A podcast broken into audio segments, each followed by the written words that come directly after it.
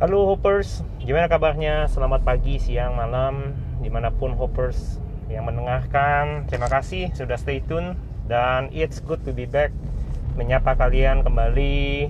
Thank you Hoppers yang sudah tetap setia di channel ini walaupun aku udah jarang update. Nah, mungkin karena kesibukan ya.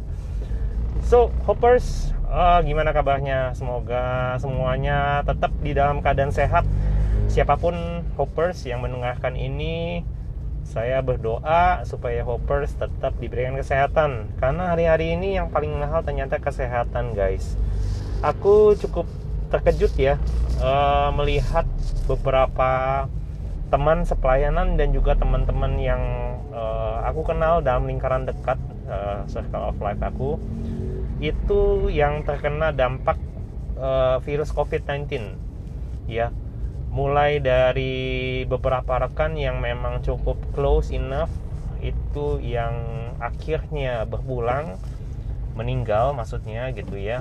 Dan sedihnya mereka dipanggil pulang itu dan dengan usia yang relatif masih muda masih produktif. Yang kedua juga keluarganya itu masih punya anak yang cukup kecil ya masih ya masih muda lah jadi mereka terpaksa harus meninggalkan keluarga e, mereka dengan kondisi yang mana menurut saya memang gak terlalu siap ya mungkin gitu untuk ditinggalkan. Apalagi masih banyak anak-anak yang masih kecil gitu. Dan ya tapi sekali lagi e, usia itu sebuah misteri ya guys. Kita memang nggak pernah tahu e, berapa kontrak dan sisa usia kita di dunia ini makanya yang ter paling terpenting adalah kita harus berusaha untuk membuat yang terbaik sebaik-baiknya. Ya aku selalu punya pesan buat hoppers di mana pun engkau berada hoppers mungkin kalian yang sudah nikah uh, always say uh, thank you and uh, love love words. Ya kata-kata yang menyenangkan kata-kata yang baik kepada pasanganmu. Itu itu ada sebuah hal yang yang yang pasti menjadi sebuah kata-kata yang indah. Kalau itu menjadi hari yang terakhir buat kita at least kita sudah menyampaikan uh, kata yang baik gitu. Demikian pula kita juga dengan orang tua kita. Jangan sampai kita menyesal ya di waktu-waktu terakhir kita tidak uh, atau kita belum atau kita tidak uh, melakukan sesuatu atau berbuat sesuatu ataupun berkata yang baik terhadap orang-orang yang kita kasihi. Ya itu itu itu selintas sih. Dan hari ini aku berbicara tentang uh, dampak pandemi tentunya. Selama hampir uh, sudah lama ya nggak ngupdate. Jadi aku melihat bahwa dampak pandemi COVID-19 uh, hampir memasuki usia satu tahun nih guys. Uh, COVID-19 terakhir uh, dideklarasikan dan ditemukan di Indonesia masuk ke Indonesia pada tanggal 2 Maret 2020 dan ini rekaman dibuat pada tanggal uh, 17 Februari 2021 jadi sudah hampir genap satu tahun COVID-19 ada di Indonesia. Dan uh, surprisingly-nya data saat sekarang ini menunjukkan dari data PNBP BNPB ya apa sih yang Badan Penanggulangan Bencana? Badan Penanggulangan Bencana BPNB ya, ya kayak gitulah pokoknya. Uh, data yang didapat itu tidak menurun guys. Ini justrunya grafik di Indonesia ini justru cenderung malah naik ya. Cenderung grafiknya masih di atas gitu jadi agak cukup mengkhawatirkan baik isu secara virus aktif maupun virus yang uh, penderita yang di lokalnya ya di kota-kota besarnya terutama di uh, daerah Jawa Bali itu menjadi satu concern yang cukup uh, serius. Sehingga waktu itu Pak Presiden sempat mengeluarkan perpres dan juga menekan untuk menekan laju daripada uh, penderita COVID uh, kemarin itu sampai sempat lintasannya hari Sabtu Minggu itu di lockdown gitu. Ya di daerah Jawa Tengah ya kalau nggak salah ya. Uh, tapi DKI Jakarta tidak sempat menerapkan aturan lockdown. Uh, puji Tuhan juga ya Bapak Anies Baswedan tidak melakukan kebijakan itu. So ya kita tetap sih lockdown atau tidak lockdown tetap kita harus mengikuti protokol kesehatan nah concern daripada dampak yang pandemi covid-19 yang sudah hampir uh, berulang tahun ya di Indonesia ini uh, hampir satu tahun genap satu tahun ini dampaknya benar sebenarnya uh, sebuah dilema ya guys. Kalau saya di biar pemerintah saya pikir juga pemerintah juga pasti akan punya stigma yang uh, sama gitu. Uh, sama-sama lose lose situation. Uh, kenapa karena mereka itu tidak bisa menerapkan kebijakan lockdown ya seperti negara-negara yang di uh, uh, luar negara-negara Asia yang lain mungkin mereka sudah keluar dari uh, krisis yang berkepanjangan ini gitu. Ya e, mereka sudah ya dalam tahap dalam tahap yang mungkin screening aja gitu untuk untuk untuk mengantisipasi ya bahkan mereka sudah hampir menyelesaikan e, sesi vaksin mereka. Cukup e, cukup cepat ya penanggulangannya ketimbang kita Indonesia. Dan Indonesia kita masih baru e, vaksin itu sekitar satu jutaan orang. Sementara target pemerintah eh, saat sampai saat sekarang ini eh, yang untuk Mbak Jokowi mengatakan bahwa kita menggunakan vaksin itu kalau dihitung-hitung ya guys dari total 270 juta orang minimal 70% itu kan 180 jutaan ya kira-kira ya yang kalau nggak keliru ya datanya gitu ya. Saya dengar di berita di BBC uh, itu perlu menyelesaikannya sampai tahun 2022 guys. Jadi bayangin 2 tahun guys untuk divaksin.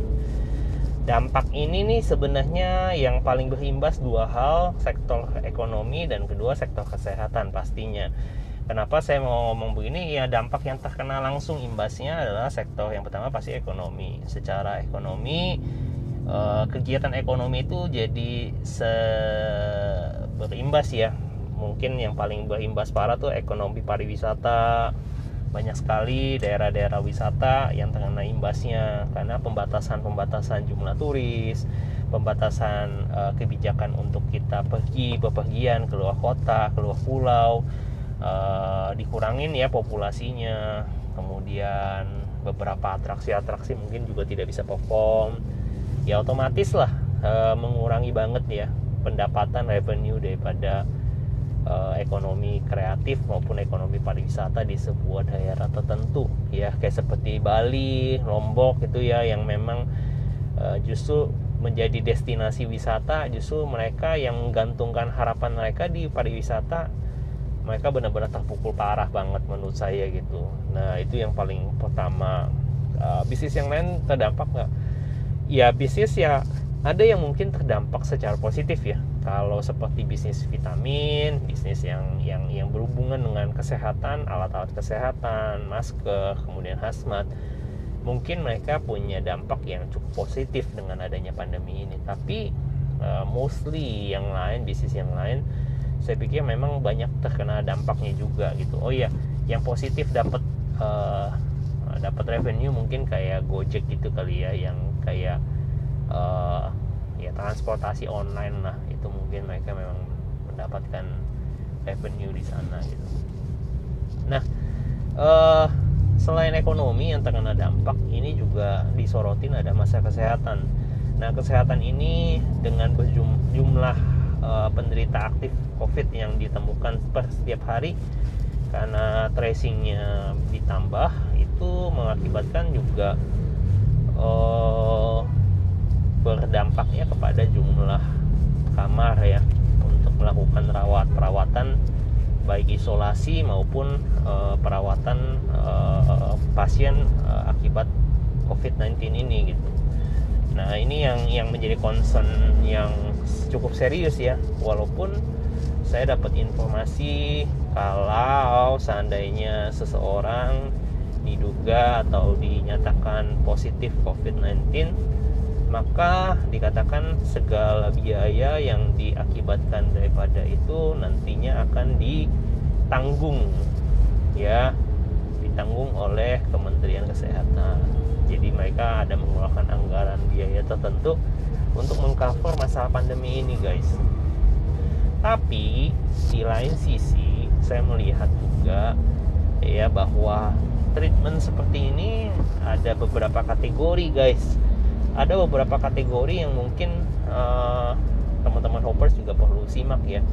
Yang pertama mungkin kalau memang pandeminya uh, yang terkena dampak COVID-19 ini mungkin dia nggak terlalu parah ya maksudnya uh, gejala ringan OTG itu mungkin mereka cukup makan vitamin dan mereka beristirahat ya mungkin seperti itu gitu. Nggak terlalu parah lah. Nah tapi yang jadi concern itu adalah orang-orang yang punya penyakit bawaan komorbid gitu ya. Mereka yang punya penyakit bawaan seperti diabetes jantung paru ya gangguan-gangguan uh, uh, pernafasan itu sangat-sangat membutuhkan ekstra banget gitu ya. Ketika mereka juga sudah punya penyakit bawaan dan ditambah lagi kena covid. Nah ini yang agak-agak sedikit uh, bermasalah. Karena kenapa? Karena biaya yang ditimbulkan itu uh, cukup banyak dan cukup besar. Uh, tidak menampik juga ya di rumah sakit rumah sakit tertentu yang yang pada akhirnya juga saya melihat bahwa ada beberapa rumah sakit yang harus mencas ya. Oh masa sih gini ini bukannya free? Ya saya pikir di rumah sakit semua nanti pada akhirnya membuat sebuah pilihan juga kepada pasien.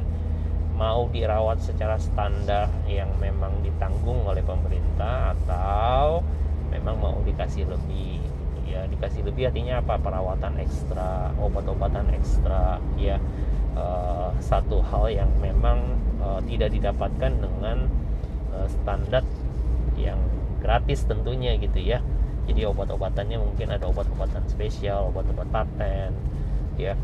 Bahkan saya dengar ada rekan saya teman ya temannya teman sih yang ada di kota Semarang. Itu sempat orang tuanya terkena covid yang cukup parah.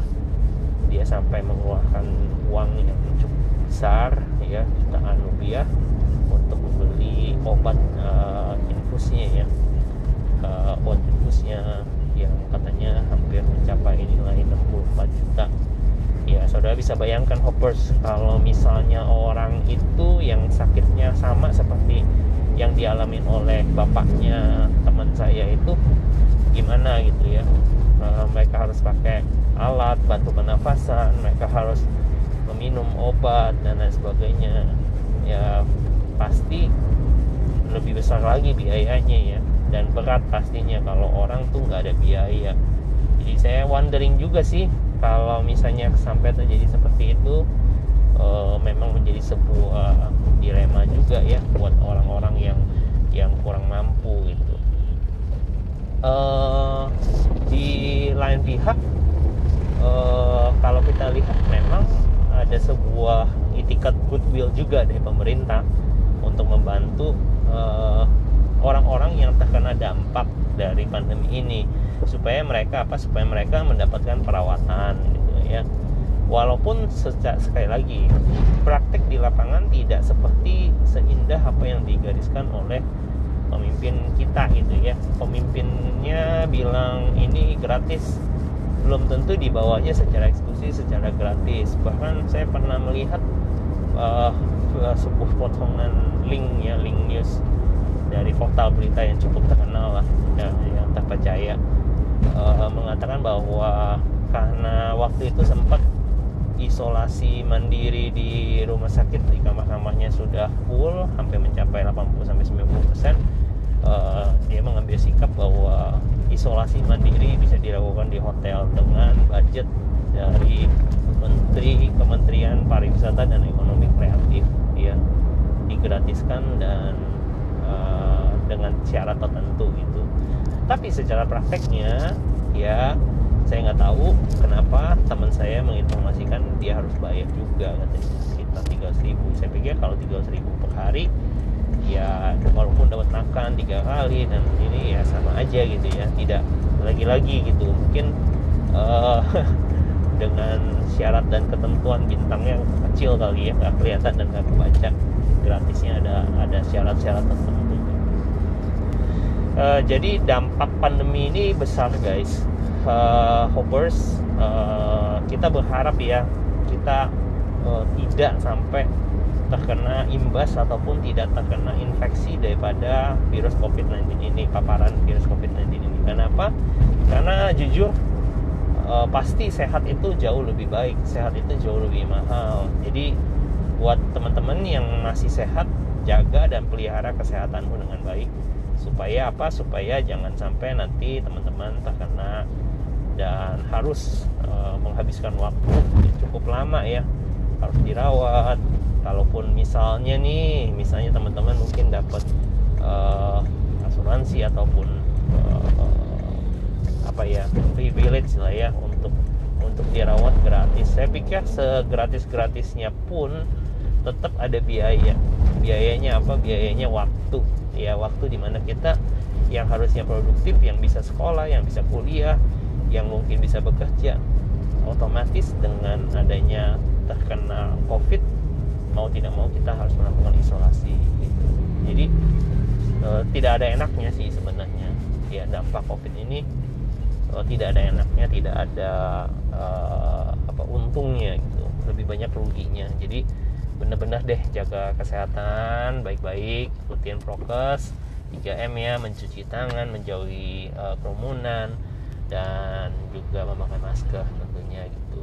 Ya itu aja pesan dari saya. Nggak banyak.